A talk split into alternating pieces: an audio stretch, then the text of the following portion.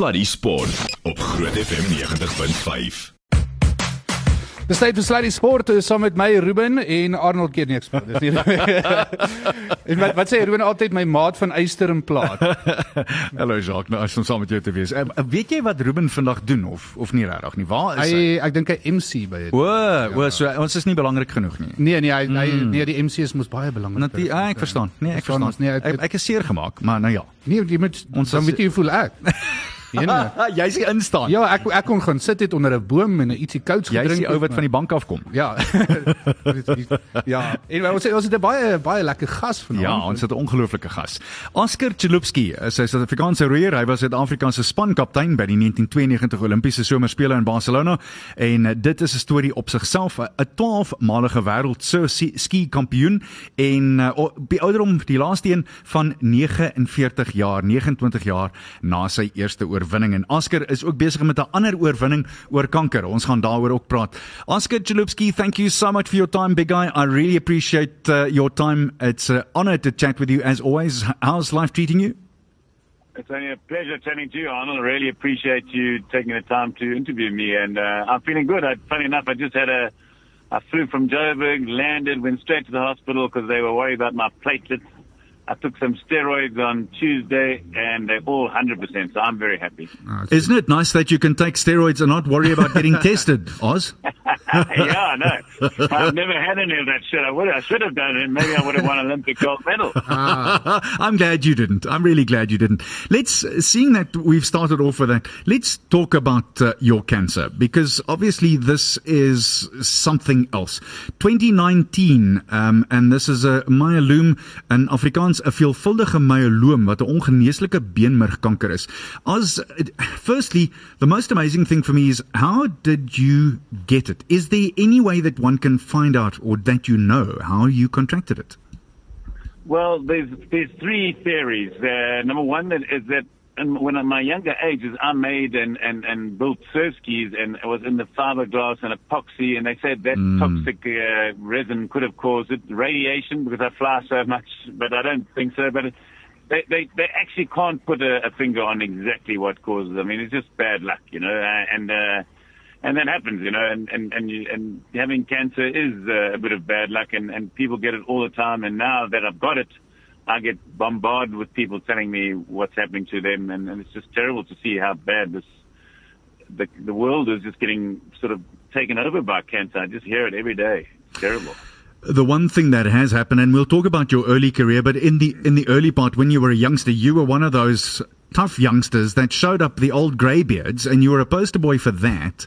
And now you're actually a poster boy for cancer. It's it's almost uh, from when I read the book, it strikes me as as if all of that prepared you to be this. No, hundred percent. I mean, you know, when you're doing those tough races, you know, doing the Dusis, doing the Molokai, doing the PE to London, the Texan Challenge, 240 kilometers. I didn't realize all the stuff that I was doing and, and training hard and pushing myself to the limit really has helped me in my cancer fight. And I think that's something that every cancer sufferer should uh, sort of embrace and realize that if you fit and you've got a strong mind, you've got a much better chance of conquering uh, cancer. Well, the, the amazing thing is the the medical folks gave you six months. We're four years down the line, and Oz is still here. Yeah, exactly. So, I mean, it was interesting when I had this on the 25th of November. The reason why I know it's the 25th of November, because on the 26th of November, it was my wife's 60th birthday, and I, had- I had a surprise party. The only surprise we got is that I had cancer, and obviously she cried like crazy, and she was very upset. I probably shed half a tear, and then I said, "No, Claire, listen to this. I've done so much in my life, so what the hell? I'm I'm here, and I don't think this thing is going to beat me that easily." That was my attitude, you know. So other people cower and, and, and sort of crumble, I, I actually I said, no, no, no, I've done a lot in my life, which I'm happy of. But the most important thing, this cancer has to be stronger than me to beat me. I find that attitude amazing, and, and it seems like that would be the way to do it: is to come out swinging, isn't it? No, I think it's the only way. You know, you, you, know, it's, and it is tough. I, I, I understand the people when you're going through the chemo, you're feeling weak, and and these things happen, and I hear people dying all the time. But it's just you've got to keep the attitude positive. And you know, with social media, and even like somebody listening to this program today with you, Arnold, is that they get a bit of inspiration and they fight a little bit harder because it's like a race. At the end of the day, the opposition is really tough. And the harder you train, the more you prepare, the more chance you got of beating it. I also want to know. Let's go back all the way. Your dad was a, a water champion and a, and a paddler, a, a man who, who built his his own crafts, and you just picked that up right from the word go. Yeah, I mean, I started at age 13 to, Sure. I mean, not being brag, but at the age at age 15, I, went, I made the South African national surf lifesaving team. So I was 15, and I was competing against guys 26 and 27. So I started at a young age. But my father instilled something that I think everybody should do. It is, he said, listen, if you're going to do something, just do it properly. So he didn't force us to do anything. In fact, I was playing cricket and tennis and all these sports, not paddling when I was a youngster because he didn't mind, but he just supported you. And that's what you want parents to do. And he, and he provided us with, he, he would take us to training. And if you came, you came. If you didn't, you didn't. But Well- I realized, yeah. Also, you were you were so you were part of so many sports when you grew up. Um, for example, you even played Craven Week at one Week stage, rugby, and you did surfing, you did uh, life saving, all those kind of things. um, well, was there a reason for this? Did you have this passion for sport your whole life, or was it? Uh, didn't you guys have anything else to do? yeah, no. Yeah, I mean, Jacques, the, the interesting thing is, is, is that, and I think that's important. I mean, nowadays people get so specialized. Oh, they're swimming and they can't swim in the sea. They they they're playing tennis and they can't play paddle. I tried to do everything, and, and and I had this burning desire to win at everything, which is a strange thing. No matter what I did, I, when I when I went and played squash, I trained for six hours. When I played tennis, I trained for ten hours a day. You know, I always was passionate to do well, and I realized at a young age that you had to put in the work. Doesn't come just naturally. You have to put in the work. I'm not, don't think I'm that natural. The end of the day is I put in the work to always try and win because I liked winning, you know, and, and, and I think if you get that attitude in anything in life, you will succeed. But the Craven Week thing is an interesting one, Oz, because uh, you you noticed that your sport wasn't you weren't getting the colours for it, and you weren't get, standing at assembly on a Monday morning getting lauded, and you also weren't getting the girls. So you thought, like, let me hey, let me try this rugby thing because that's one way to get some attention. And lo and behold, within a matter of a few months, there you were. Yeah, again, it was the same thing. Again, the, the, the, I always say this in my talks when I'm talking to people. So many people say, how do you build, build a, a good house? Everybody says foundation. No, it's all about planning and setting goals. And I was so mad with these guys getting all these accolades at first team rugby. I said, I'm going to do it. And again, I'm very different to most people. I actually said, no, no, I'm going to play in Natal School. I hadn't even made even the second or third or fourth year. I said, I'm going to make, make Natal Schools. But the difference is I put in a plan to place and I used to practice all the time, ran hard and. I'll never forget, I was lucky that the trial took uh, about four or five hours. and I was basically the only guy running, so they had to put me in a team. I don't think it was quite that easy, Oz. I, I wanted to ask you. In 1992, you uh, you were at the the Olympic Games. Um, what's the difference if you if you look at the Olympics these days and back in 1992? What's the difference between how it was back then and how it is now? I mean, the, the end of the day, it is the pinnacle of, of our sports yes. and most sports. And and the thing that that that uh, what's happened is that uh, Olympics become so commercial. They've taken sports that means nothing to them. Winning an Olympic gold, yes, it's all very well, but tennis players winning winning uh, Wimbledon is far bigger, and winning a golf major is far bigger. Where in our sports, these sports that we play, the Olympic medal is the highlight and, and the sort of pinnacle of your career. So, the, I, I think that's where they've lost it a bit. But and they're just trying to get spectators, and I think that's what happens in life.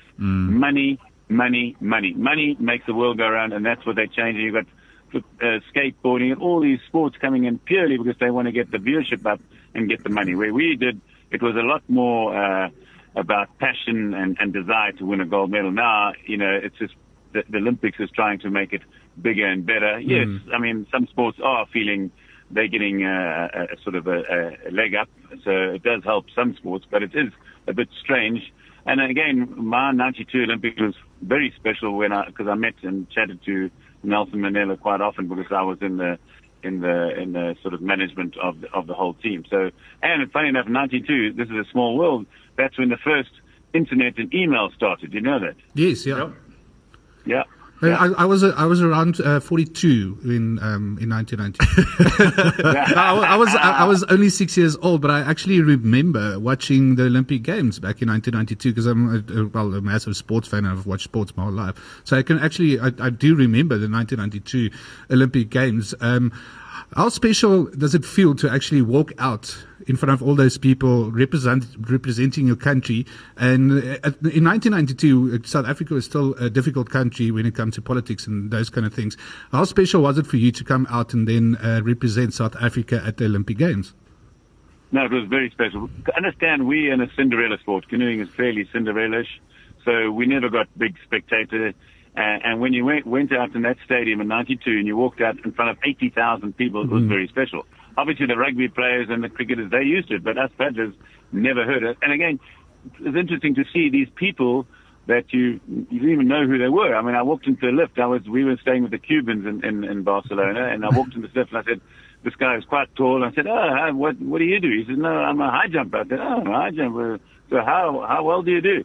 No, I'm the current world record holder. I said, what? What's your name? I said, my name's Javier Sotomayor. I oh. couldn't believe it. You know, I mean, I don't know because I mean, we didn't we we didn't realize how isolated we really got, and it really affected me in my prime of my of my time as well. Yes.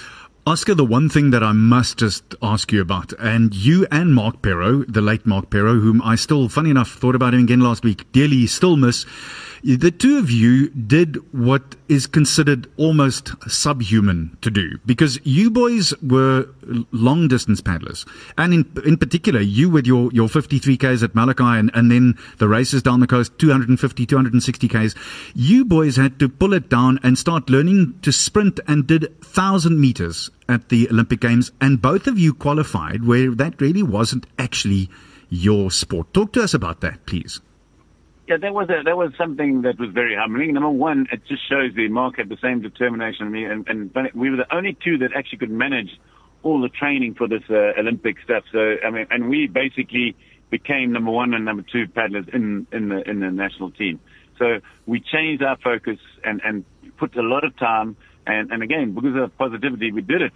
And and it was interesting that when we went there, and this is the difference between me and most people, we went there to try and win. And when you don't win, uh, that, uh, I think it's a it's a loss, and and that's one thing. I don't ever go to an event to make up the numbers. I went there to make or win some medals, and we didn't get anything. And that 92 did change. You know, you know when you're getting beaten by guys that I was beating in the ocean, like uh, Clint Robinson actually won the Olympics in 1992, the thousand meter, and and when I raced him six months later in Hawaii, I beat him by 20 minutes. So yeah. I said, what the hell? And that's when I changed my life. You know, I said, hey I'm going to use my technique and, and, and I'm going to, I'm going to stick to what I know to make me win uh, races because I hate coming second and third and, and nowhere. You referred to Robinson and, and he was someone that had, as far as you were concerned, a target on his back for you. But that takes us to Molokai. That first time that you went to Molokai, you slept on floors and on people's couches and you were living on burgers and things. I still don't know how you did that in the early days, Oz. I hate to tell you, there was no funds to do anything, so you had to do that. You had to bring, bring in support of people around you, and, and thank goodness this guy Bob Toogood put me on this floor, and I slept on that floor, and and made things happen, and and and trained like crazy because I had this opportunity to race this guy Grant Kenny, who won the junior and senior Ironman in Australia in 1977, and I also won it in South Africa, and uh, we had to race. So this guy had won it four years in a row from Australia and I put all my effort and gave up my rugby career. But so uh, the Springboks were very lucky I didn't play any more rugby. and then I gave up my, my accounting career. I was becoming a CA, and I, and I, lived, I stayed in Hawaii to race this guy Grant Kenny in I don't I don't think the accountants are very worried about that, Oz. no, no, they're not. You know, especially trying to count my money. It's not very much, so it's a very easy job. I, I, wanted to ask you. You said you, you slept in the floors and those kind of things. Um, how difficult was it to train when you actually have to go through that process? You have to sleep on floors, on couches, eat the wrong food. To be honest, with nowadays, you get uh, the athletes. They even when they fly somewhere, they make sure they fly in business class so they are ready for training. First class. First class, yeah. So yeah, yeah, how yeah, difficult was it for you to actually do training? Because especially when you don't get proper sleep, you don't get uh, proper nutrients in, was it a problem for you?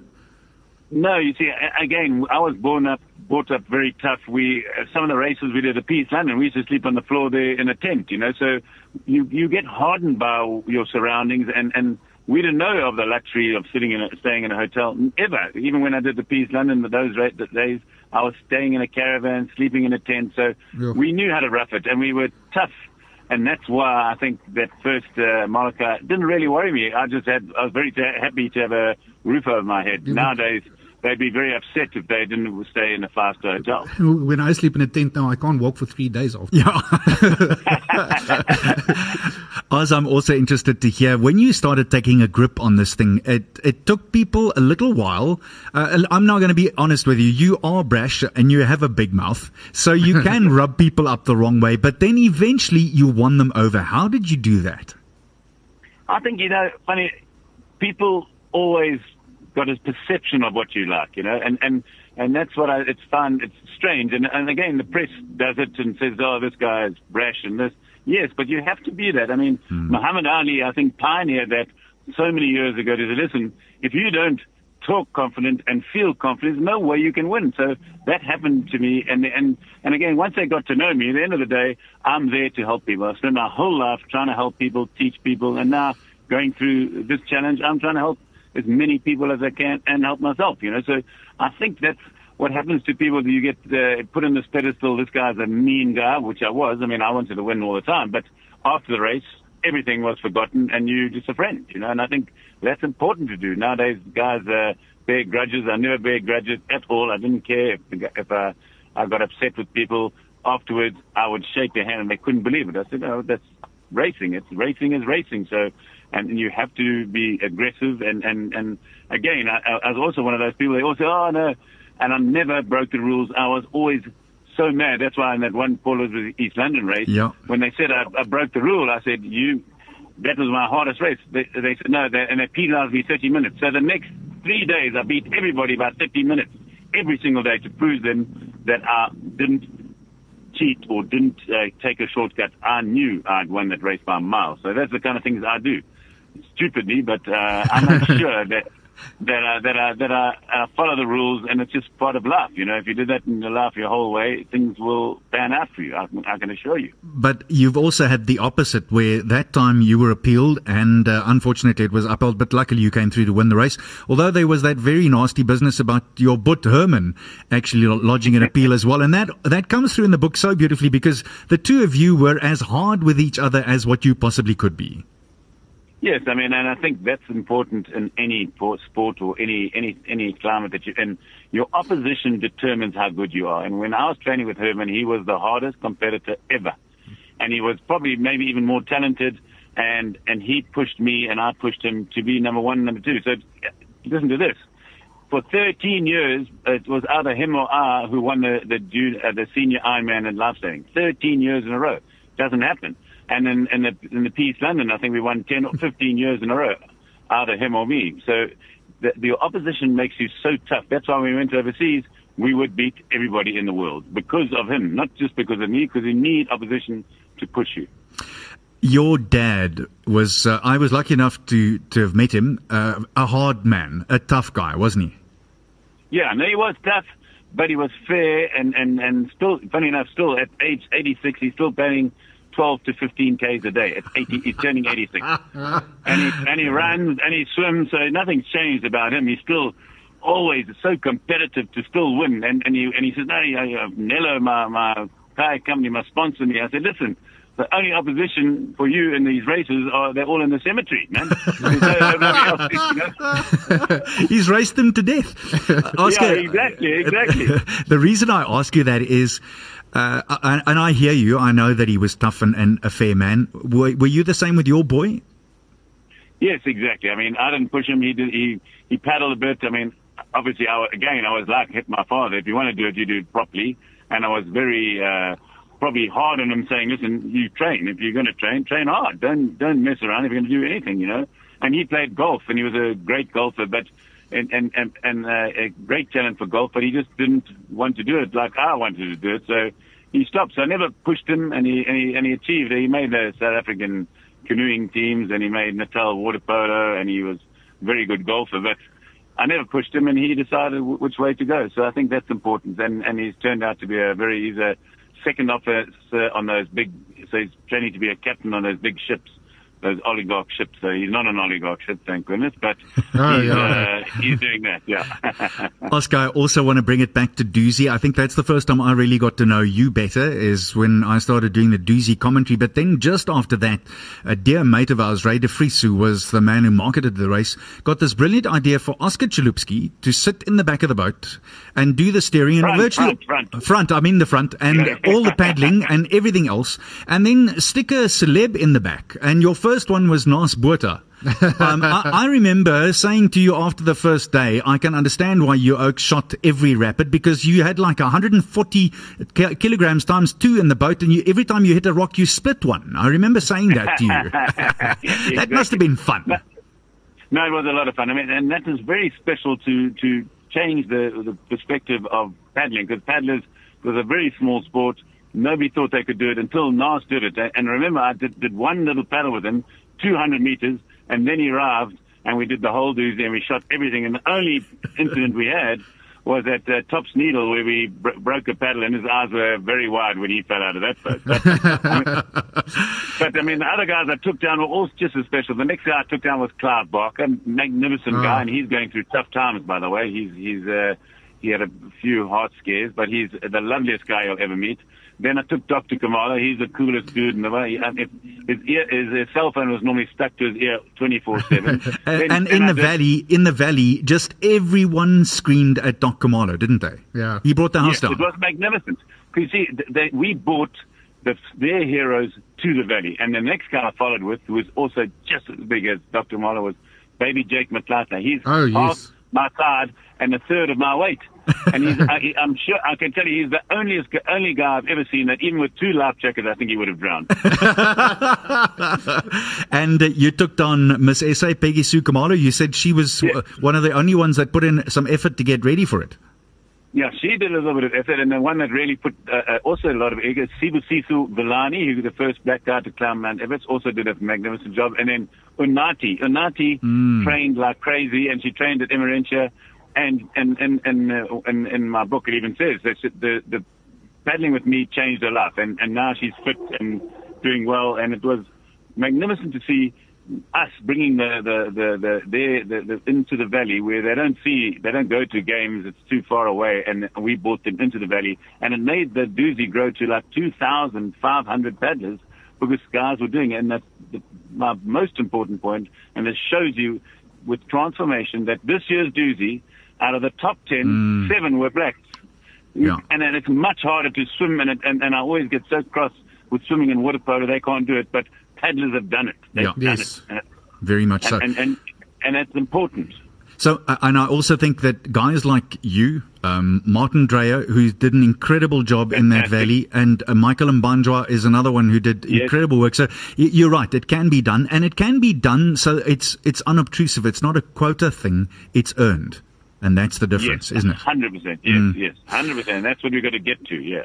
Oz, are you in one way when you look back at your career? And I know that you go, you call the Dusi uh, biathlon because there's a lot of running, there's a lot of portaging, and then there's also the paddling. Are you sorry that that win is not on your mantelpiece somewhere? Because it is the jewel in the South African paddling calendar, isn't it? Yeah, I mean, it definitely is the, the race, although now it's, sure, it's just gone down quite fast because, because again, all these races came because of apartheid because we couldn't do these races. So, uh, not many internationals ever did it. And, and it's, and also my father tried to win that race as well. He also came second and third and never won it either, although he won the 50 miler about 15 times, by the way. So Yeah. the 50 Yeah. miler was two weeks before and he won that 15 years in a row because there was no running. So, and again, uh, I think I, I, I would have liked to have that on my CV. I mean, but you can't have everything in, in life. You know, sometimes you. That is you the first happen, time you know? I hear Oscar Chalupsky say you can't. That's the first time ever. Oscar, let's talk about, uh, we did mention him, but I'd like a word or two from you about uh, Mark Perrow, someone that I know Yeah. that you battled with hard, that you trained hard with. Uh, and he if so much reminds me of, or reminded me of you, bigger than life. Yeah, no, he was. I mean, he was also he he he lived life to the fullest in everything he did in business, and in training, and he was one of the meanest and hardest trainers. So when when I wasn't racing against Herman, the next guy I was racing to try and beat to all the time was Mark Perrow. So Mark Perrow again adapted magnificently to to doing the Dusi and getting fast at running. And again, same as what I did. I, I never forget, and, and Arnold, you're a runner, so I did the Duke of York in 56 minutes, which is 16 That's pretty quick. It's yeah, you're running Yeah, at 5:45 per mile. Yeah. Yeah, exactly. So that's not bad. So again, I got to that stage. I had a bad, uh, uh, a and we didn't actually race the the duty together. We raced many other races together, and, and then won comfortably most of the time. Especially in the sprints when we got to the Olympics, we were unbeatable in everything we did, 10,000, 500, and 1,000. So he was a very determined character, and and he lived life to the fullest and pushed to the limits, you know, and sometimes too far, you know, and that and that was that was his uh, d- downfall in the end, which Yeah. is such a pity. You know? So people do that, you know, you, uh, but it makes you uh, a different character and, and, and makes you adapt, you know. I think adaptability, and that's what you have to be in life. And Mark did that magnificently well because he actually, after his Dusi thing, he started paddling uh, surf skis as well and, and actually finished the Molokai, did the Molokai, and funny, funny enough, he broke his boat just before the he came in and hit the rock. Oh, the coral on the white left. guy. Mhm. Yes, Yep. yeah, yeah. And then he had to like basically swim all the way in, so he was like the last finisher. it looked sure. like he was finishing his Dusi with a bo- broken boat in half. Yeah. Uh, typical Hophead, that is for sure. I miss him to this day, and I'm sure we all will. Uh, let's make it full circle. Oscar, bring it back to the cancer for us. Uh, how's the fight going, and what is next for you now? What is what's on the on the cards for you? Well, my cancer is called multiple myeloma or bone marrow cancer. There's no cure. So my goal now is number one in my book, uh, No Retreat, No Surrender. I give a portion of my royalties to campaigning for cancer because the only way I can live and survive is if we find a cure, and the only way I can help is to give money towards the cause, and that's that's what you got to do. I mean, there's not, there's nothing else I can really do. So with this incurable cancer, I'm always on chemo. I just finished my uh, bout of chemo. I have two weeks of chemo, and then I have three months rest. And again, I want to it- reiter- reiterate, it doesn't affect me one bit because I fast before it, and it's never affected me at all. And, and people think I'm crazy, but I'm not. I have my, I fast, I have my chemo, and then I come home and have a nice one or two glasses of wine and some Oh, cheese nice. and all those nice things.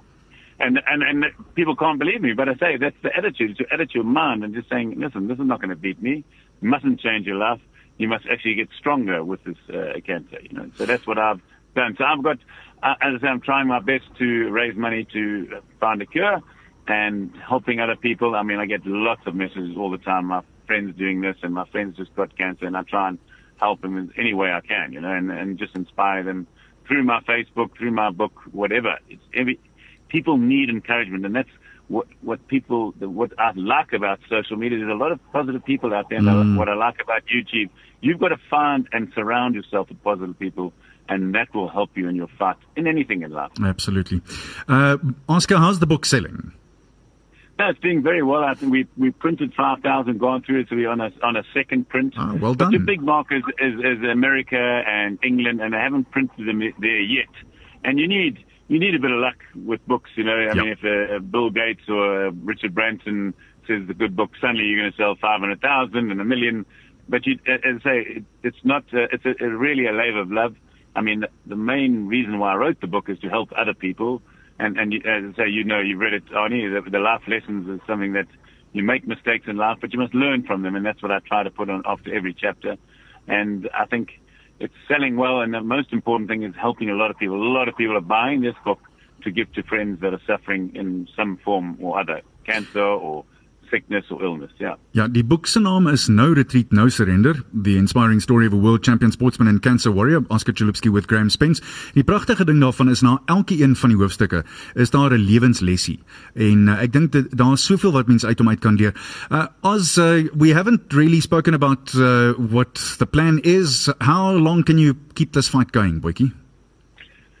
Well, when I started, they, they, it was three years. I've gone that three years, and then they they pushing it out to five years. And again, it's just I, I get not luck, it's mind, attitude. Some people have lasted a long time. Other people, I just my friend just Ron Davies just died two days ago, and I saw him four months ago, and he looked very healthy. You know, and and he Sorry to he's hear that. lasted about yeah, so he's lasted seven or eight years. So it's one of those things that if you keep positive, I think, and, and keep fighting, you can go a long time. I'm, I've heard of some multiple myeloma patients lasting 20 years. So I'd like to break that record, you know. Yeah, Another record. Another one to go. Oscar, if there's anyone who's going to set a new record, you'll push it right up there into the 30s. I have no doubt about it Yeah. whatsoever. Oscar Chalupsky, Yes, such an so. honor and a pleasure to chat with you. Best of luck with the book and best of luck with your health. And I really mean it when I say that I think if there's one guy who's going to push that record as far as he can, you will. To your whole family, send love and our prayers are with you, big guy. Th- thanks for your time.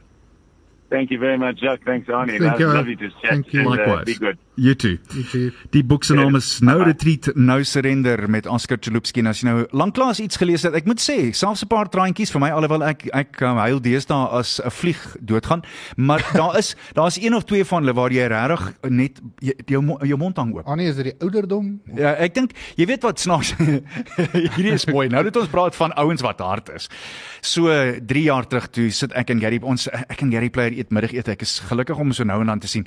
En hy sê vir my Arnold, die een ding wat my regtig irriteer is, soos ek ouer word, raak ek emosioneel. Ek huil deesdae vir alles. Dis ek maar dis okay, Gary. Ek dink Ja. dis dis aanvaarbaar. En ek dink die lekker ding daarvan is jy maak vrede daarmee. Dis hoe ek is, dis hoe ek voel en verskoon my, die boek As hierdie ding nie aan jou hart raak nie, want hierdie ou beklei so hard as wat hy kan. En hy soos jy kan hoor, hy's so groot soos die lewe homself.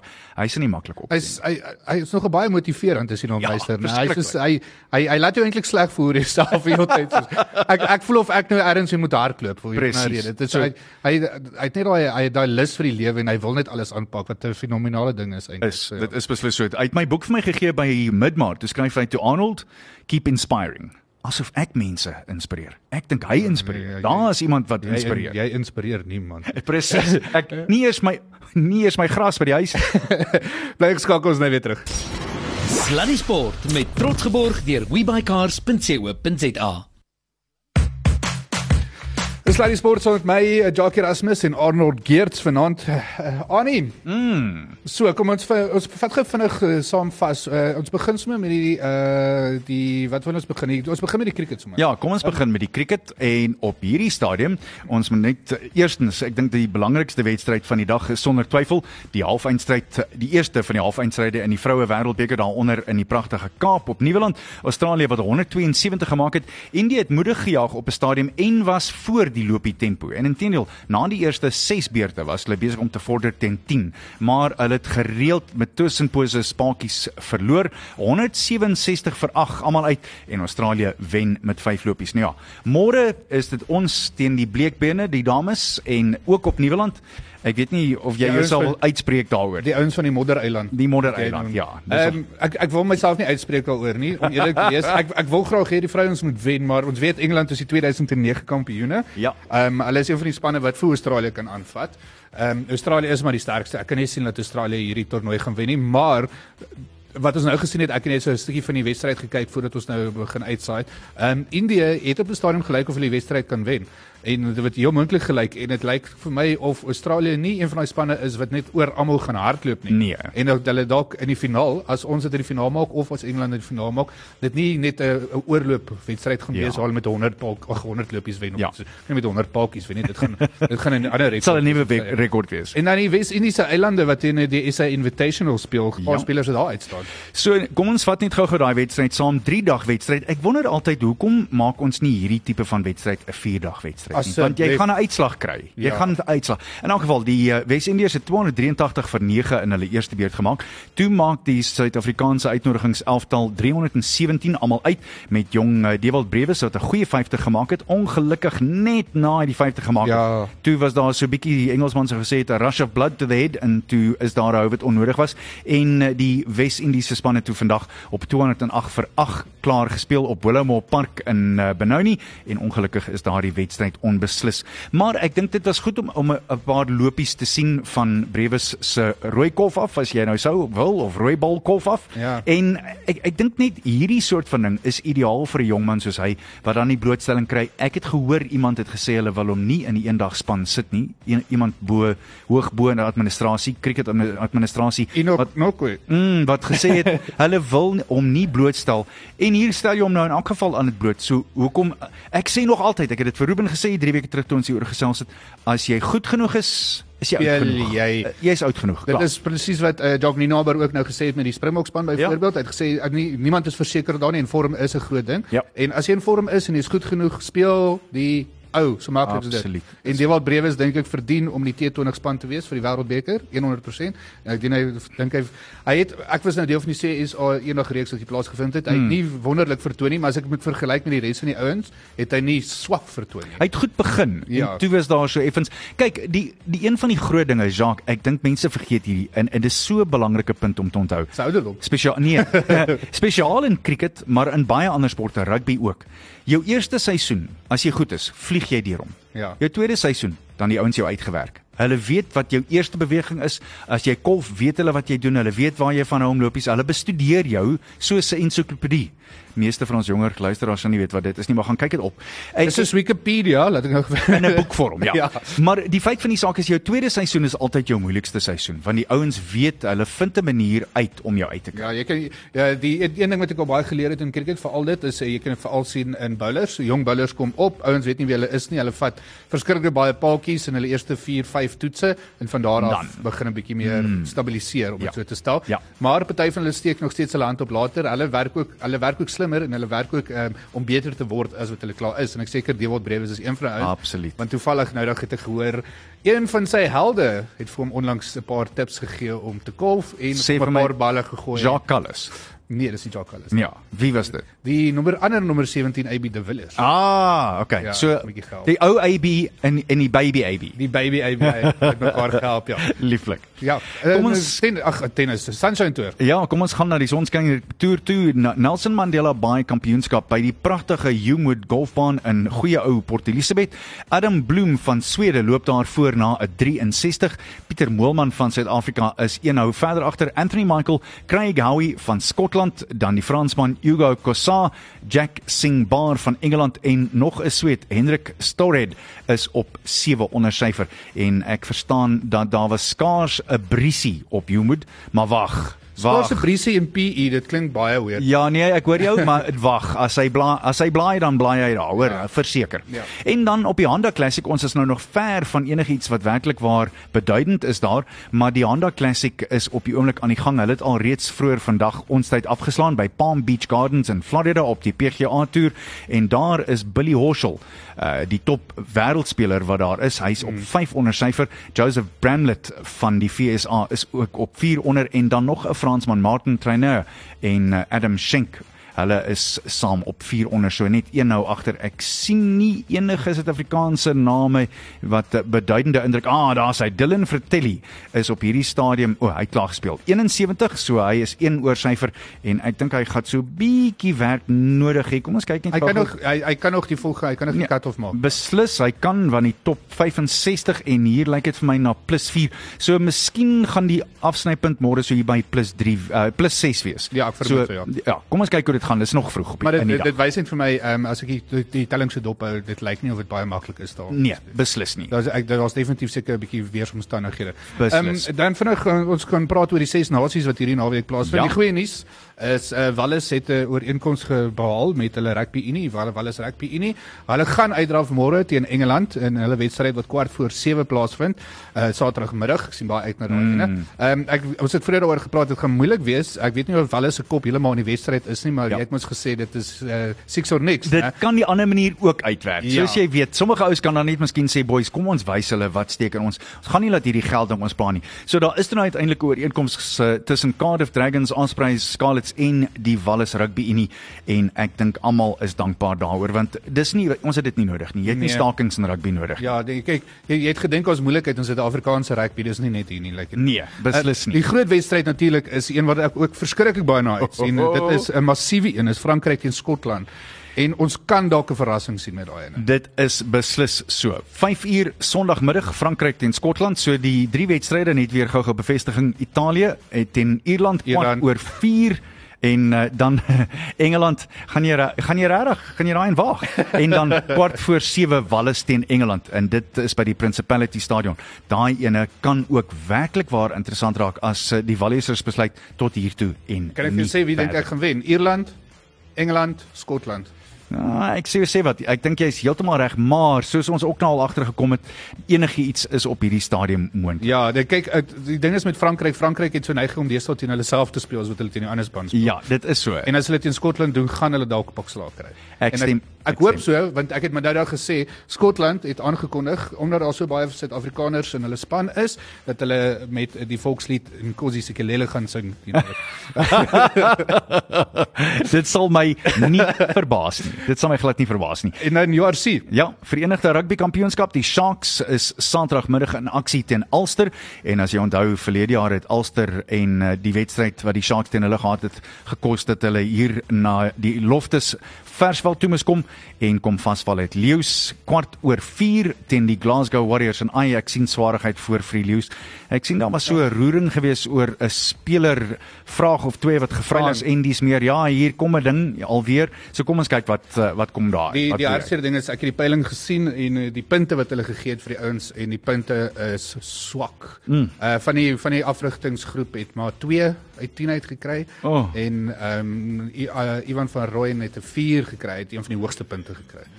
So Ja, uh, en dan net vinnig, die Blitsbokke ehm um, het oor die jare met 5 toernooi oorwinnings op Amerikaanse bodems gespog. Hulle sal hulle werk die naweek in Los Angeles vir hulle uitgesny kry as hulle hoop om Nieu-Seeland se voorsprong bo aan die wêreldsewes reeks eh, te sny.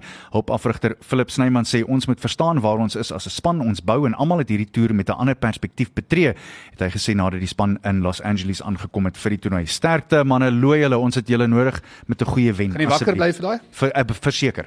Ek is mal oor oor sewes rugby. Ek eh, ek het hierdie neiging ek's nou weer weg hierdie naweek, maar ek het hierdie neiging as ons weggaan dan staan ek wragtig 1 uur die oggende op en gaan kyk jy weet. Oh, die die nice ding is jy kan dit doen en jy gaan niemand pla nie. Ja, dis 'n great ding. Ehm um, so jy het, jy het nog ietsie wat jy ons wil vertel. Laaste Voordat ons groet. Laaste ou laggie vir die dag. sien jy dat ons nou vandag oor rooi gepraat het? Stel jou nou voor dis hierdie pragtige blou meertjie met al hierdie veelkleurige rooi bootjies op en die ou op die mikrofoon sê nommer 9 kom in nommer 9. En die vroutjie wat langs hom sit sê ons het net 8 bote. Hy sê nommer 6 het jy 'n tegniese probleem daar. dis al van ons van hierdie week af. Bye. Um, jy's volgende week weer terug saam met Ruben. ja, ek kan nie wag nie. Cheers. Uh, bye. Bye. Sluddy Sport op Groot FM 90.5.